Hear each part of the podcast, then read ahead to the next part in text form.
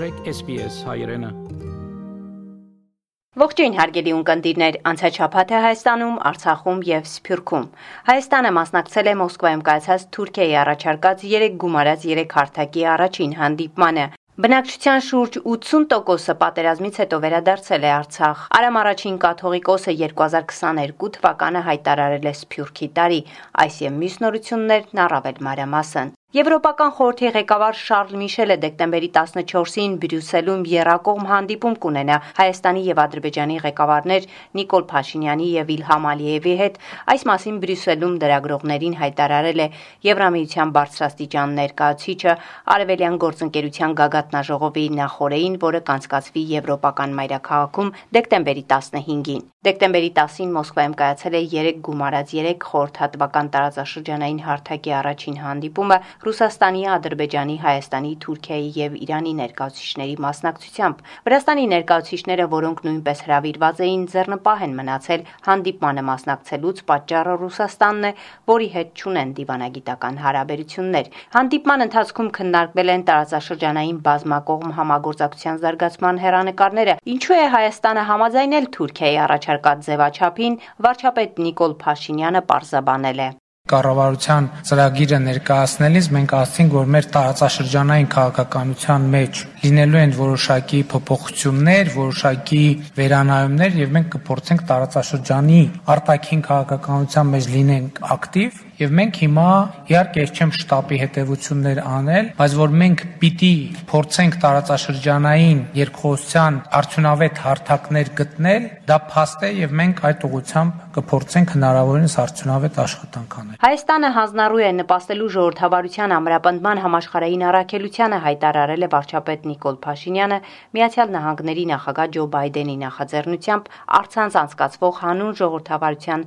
համաժողովին իր ելույթում։ Մենք հանձնառու ենք Հայաստանում ժողովրդավարության ամրապնդմանը ժողովրդավարական ինստիտուտների հզորացման միջոցով։ Ըստ Փաշինյանի ժողովրդավարությունն ամրապնդելու ջանքերում Հայաստանը բախվում է բազմաթիվ մարտահրավերների։ Մեզ համար ամենամեծ մարտահրավերը մեր անվտանգությանը սպառնացող ռազմական բնույթի սպառնալիքներն են։ Մեկ այլ մարտահրավեր է երկրի ներսում ժողովրդավարության համար պայքարը։ Այդ մարտահրավերը բարթանում է, երբ սպառնալիքներ են ի հայտ գալիս մեր սահմաններից այն կողմ։ Եթե մենք ուզում ենք վերականգնել ժողովրդավարության հանրության գրավչությունն ամբողջ աշխարհում մենք պետք է մեկտեղենք ուժերը միասին դիմակայելու այս մարտահրավերներին։ Հայաստանը հանձնառու է նպաստել ժողովրդավարության ամրապնդման համաշխարհային առաքելությանը եւ մենք հույս ունենք, որ մենք միայնակ չենք։ Ազգային ժողովում ընդդիմադիր Հայաստան խմբակցությունը Ալեն Սիմոնյանին ազգային ժողովի նախագահի պաշտոնից հետ կանչելու վերաբերյալ օրենսդրական նախագիծ է շրջանառության մեջ դրել։ Նախագիծը այսպես են հիմնավորել Սիմոնյանի հայտարարություններն ու վարկագիծը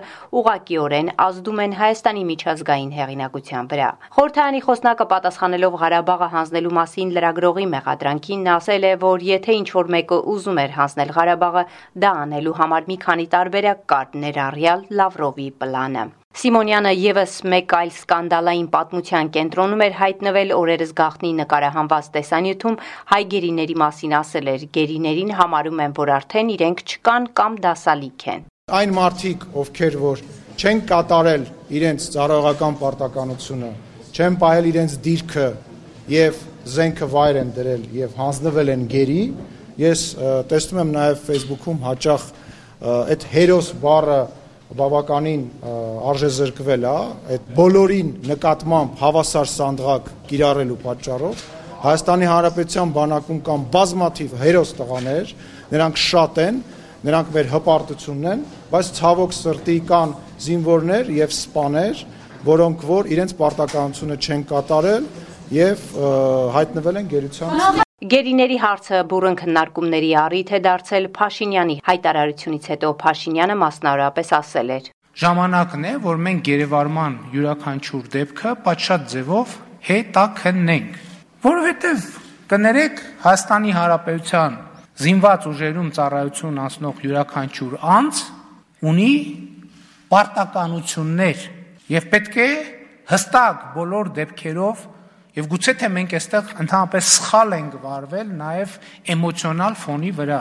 պետքա քննվի ինչ անշանակում գերի ընկնել ինչ հանգամանքներում Արցախ. Կանգնիր Արցախի կողքին կարկախոսով Արցախում առաջին անգամ հերոստամարաթոն է անցկացվել արդեն 30 տարի չդադարող պատերազմի պայմաններում Արցախում շարունակվում է անկախ պետականության կառուցումը 2020 թվականի պատերազմից հետո էլ Արցախում այդ ճանապարհից չեն շեղվել աշխարհասփյուր հայությանն ուղված կոչն էլ դա է. Այդ պայքարում կանգնել Արցախի կողքին Արցախի արտգործնախարար Դավիթ Բաբայանի խոսքով իսկապես մարտահրավերները լուրջ են հարվածը շատ լուրջ էր, բայց այնպես չէ, որ ամեն ինչ կորցված է։ Կախված է մեզանից։ Ինչպես ենք մենք կանգնած Արցախում եւ ինչպես են մեր քույրերն ու եղբայրները կանգնած Արցախի կողքին։ Եվ հենց մեր հաստատակամությունից, վճարականությունից եւ հավատքից ինչպես նաև իհարկե պրոֆեսիոնալ ունակություններից, հարինասիրությունից կախված է մեր ապագան։ Մարաթոնին Արցախի թեմի առաջնորդ Վրթանես եպիսկոպոս Աբ รา համյանն էլ կոչ արել փրկված հատվածը շենացնել ու ամրացնել։ Արցախահայությունը կարիք ունի, որ ամբողջ հայությունը կանգնած լինի Արցախի կողքին։ Ամեն մեկս յուրովի, ամեն մեկս մեր նպատակների եւ մեր ծրագրերի շրջանակներում, որովհետեւ մենք պետք է կառուցենք մեր հավիտենականություն գնացող մեր տունը, մեր պետականությունը։ Չնայած Արցախում արկա անվտանգային խնդիրներին ու անորոշություններին ժողովրդագրության ցուցանիշները բարելավվել են։ Արցախում պատերազմից հետո շուրջ 120 հազար հայ է ապրում։ Նախապատերազմյան Արցախի բնակչության շուրջ 80%-ը։ Արցախի պետնախարար Արտակ Բեգլարյանն այս թվերը լավ ցուցիչ է համարում, ասում է ժողովրդագրական բնական աճը խթանող նոր ծրագրեր են մեկնարկելու։ Մեր ժողովրդագրական աճը կարևոր երաշխիքներից է, որ Արցախը կմնա հայկական եւ Արցախի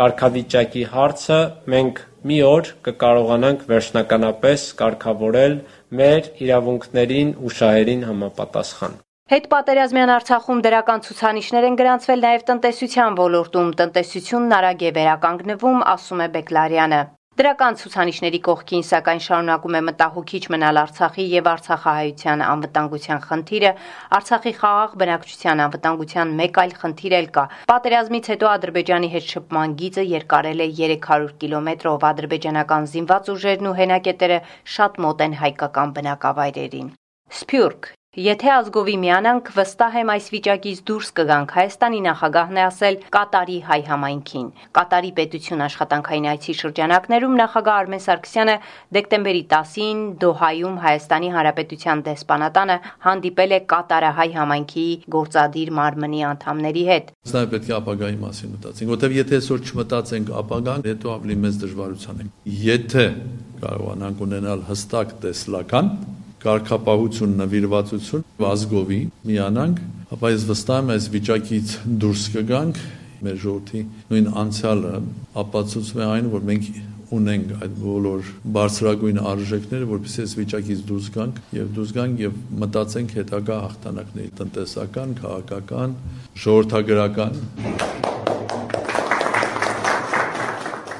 2022 թվականին հայկական Սփյուռքը կարևոր անելիք ունի վերակազմակերպվել ու դուրս գալ կաղապարված մտածելակերպից այս մտահոգությունը օրերս երիտասարդների հետ հանդիպման ժամանակ հայտնել էր Մեծի տանեն Կիլիկիո կաթողիկոս Արամ առաջինը եւ ասել, որ 2022 թվականը հայտարարում է Սփյուռքի տարի։ Կաթողիկոսը շեշտել է Հայաստան, Արցախ, Սփյուռք երամիասնությունը կարգախոսից ազգային գաղափարախոսություն պիտի դառնա։ Հայաստան-Սփյուռք փոխհարաբերություններն ավելի արդյունավետ դարձնելու մասին մտածում են նաև Սփյուռքի գործերի գլխավոր հանձնակատարի գրասենյակում։ Սինանյանի խոսքով Հայաստանը եւս պարտավորություններ ունի Սփյուռքում ապրող հայերի նկատմամբ Սփյուռքից աջակցություն ու արդյունավետ համագործակցություն ակնկալելով Հայաստանն ինքն էլ պիտի քայլեր ձեռնարկի։ Հայաստանի Հանրապետության պարտավորվածությունը Սփյուռքի արչև իհարկե շատ մեծ է եւ ցանկացած հայ չան ցանկացած պահին երբ նա ուզի ապրել ապրել Հայաստանում, դրա իրավունքն ունի միանշանակ։ Հիմա մենք վերադառնում ենք հայրենդարձության հետ կապված այդ ենթակառուցվածքների բացակայության, համակարգի անկատար լինելու, այդ ուղությամբ ոչ համապատասխան ֆինանսավորման հարցին։ Սփյուռքի հետ տարվող աշխատանքների հայեցակարգում Սինանյանը կարևորում է հայրենադարձության կազմակերպման ենթակառուցվածքների ստեղծման ռազմավարության մշակման հարցը։ Նա ընդգծում է այդ ռազմավարության մշակումն իրականում Հայաստանի համար կենսական նշանակություն ունեցող նախապայմաններից է կախված անվտանգ միջավայր, առաջատար առողջապահական եւ կրթական համակարգ զարգացնող տնտեսություն, որpիսի Սփյուռքում բնակվողը ցանկանա վերադառնալ Հայաստան կամ Հայաստանում բնակվողը չուզենա մեկնել արտերկիր։ Այսքանը անցնող շաբաթը Հայաստանում, Արցախում եւ Սփյուռքում SBS-ի համար ամփոփեց Գիտալի Բեկյանը։ Կուզես լսել նման բանություններ, կընտրե Apple Podcast-ի, Google Podcast-ի, Spotify-ի վրա, կամ որտեղեն որ podcast-ը դուք լսես։